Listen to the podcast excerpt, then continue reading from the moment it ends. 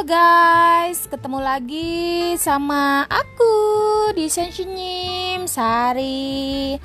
Eh, sekarang aku mau ngobrol-ngobrol dulu nih sama aku punya anak perempuan. Anak perempuan aku yang pertama itu namanya Leticia Grace. Ah, anak perempuanku yang kedua namanya Leticia Mora.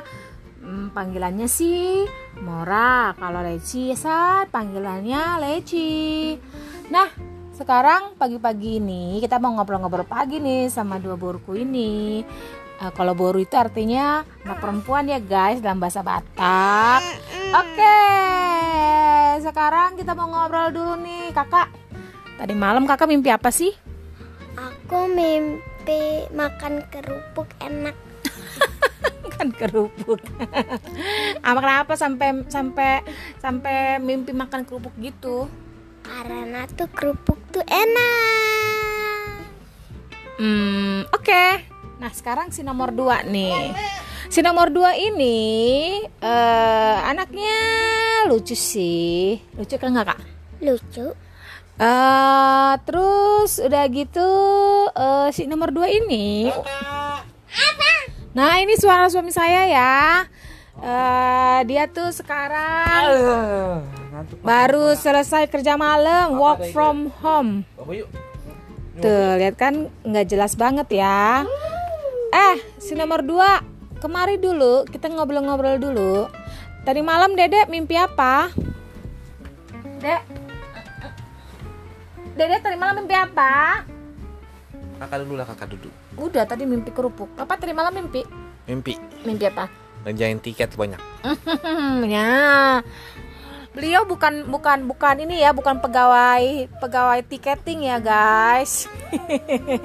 Tapi dia itu ngerjain permasalahan yang berurusan dengan kalian punya masalah internet. Kakak kenapa sih Kakak suka sama baca Alkitab? Karena tuh baca Alkitab itu baik. Baik untuk Tuhan. Ah baik untuk Tuhan? Emang Tuhan sakit?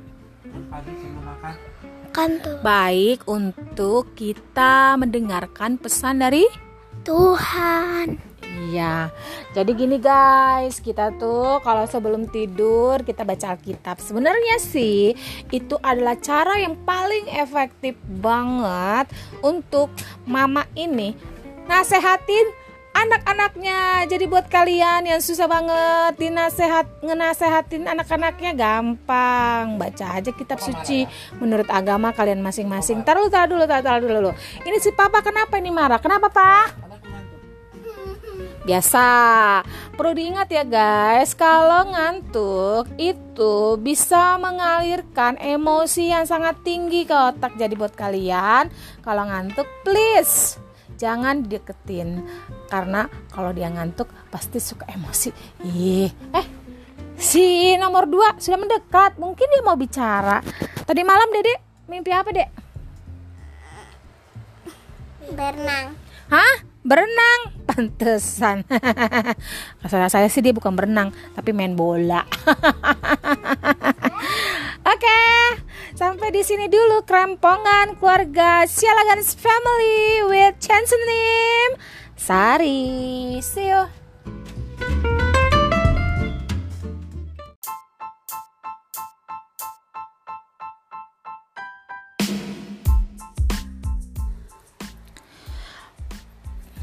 Selamat pagi semua. Pagi ini podcast pagi-pagi mau menceritakan tentang renungan saya di pagi ini yaitu pengalaman masa lalu. Pengalaman masa lalu sering kali sangat mempengaruhi apa yang terjadi pada kita di masa kini. Pasti setuju dong dengan pernyataan ini. Kadang saya juga suka berbicara dengan murid yang saya konseling tapi saya bukan guru konseling ya. Tapi namanya guru kan harus punya kemampuan untuk konselor.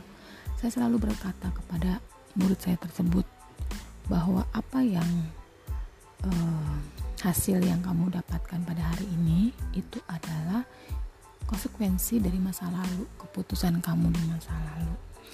Misalnya Pengalaman buruk seperti kehilangan, ditipu, disakiti bisa membuat seorang itu sulit mempercayai orang lain. Itu pun kalau menurut saya sih wajar. Kenapa? Karena meski pengalaman buruk itu telah lama berlalu, tapi lukanya masih berbekas di hati kita. Mungkin kalau pendengar semua dengerin podcast saya di episode tentang parenting, uh, di situ ada pengalaman saya. Bila saat ini kita cenderung lebih senang memperhatikan diri sendiri dan masa bodoh dengan keberadaan apalagi penderitaan orang lain, yuk periksa jangan-jangan diri kita tuh sebenarnya masih belum berdamai nih dengan pengalaman buruk di masa lalu. Renungan saya pagi ini itu tentang bagaimana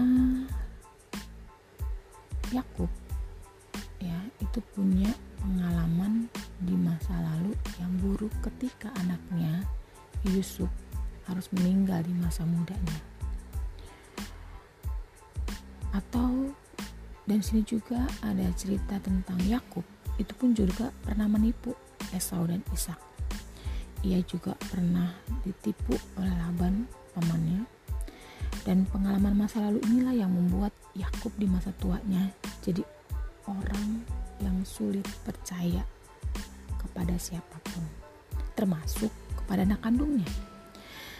Nah, saat sembilan anak itu kembali dari Mesir, lalu menceritakan peristiwa yang mereka alami di sana, karena pada saat itu eh, bangsa Israel ini nih dari pembacaan kejadian 42 eh, ini sedang mengalami kelaparan yang sangat besar, gitu ya cerita mereka membuat Yakub khawatir kalau kalau dia dibohongi karena memang dia pernah punya pengalaman jadi pembohong atau ngebohongin orang lain. Melihat pundi-pundi uang yang di dalam karung mereka, mungkin Yakub curiga anak-anaknya itu sudah mm, menjual Simeon di Mesir. Karena itu Yakub meragukan semua perkataan Ruben yang ingin membawa Benyamin ke Mesir. Yakub sudah cukup menderita sih karena kehilangan Yusuf. Dan Yakub pun gak mau Benyamin mengalami hal yang sama seperti yang alami Yusuf. Yakub tuh nggak tahu kalau Yusuf itu sebenarnya masih hidup dan saat ini sedang dipakai Tuhan untuk menyelamatkan banyak bangsa dari bahaya kelaparan yang terjadi pada masa itu.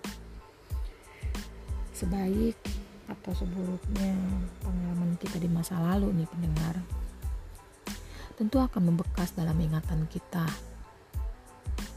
mungkin tidak hanya membekas bekasnya itu nggak hilang. Tapi jangan sampai pengalaman buruk di masa lalu itu menghambat kita bertumbuh di masa kini. Rancangan Tuhan dalam hidup kita adalah rancangan damai sejahtera dan penuh harapan. Itu yang harus kita pegang. Hidup kita saat ini harus bisa lebih baik daripada hari-hari kemarin. Apa sih yang harus kita lakukan Belajarlah percaya kepada Tuhan dengan mau mempercayai orang-orang baru yang ada di lingkaran pergaulan kita. Berusahalah mengampuni orang-orang yang pernah mengecewakan kita di masa lalu, sehingga kita bisa menikmati hidup dalam damai sejahtera dan tanpa mengampuni, kita tak akan pernah bisa mengasihi dengan tulus dan menjalani hidup dengan sukacita. Amin yang perlu kita renungkan seburuk apa pun kehidupan kita di masa lalu selalu ada harapan. Bila kita bersandar penuh pada Tuhan. Nah, renungan saya pada saat ini berdasarkan dari Spirit of Woman. Semoga renungan ini boleh menjadi berkat dan memberkati kita semua termasuk juga Anda dan pasti juga saya dong. Selamat pagi, selamat menjalani aktivitas. God bless.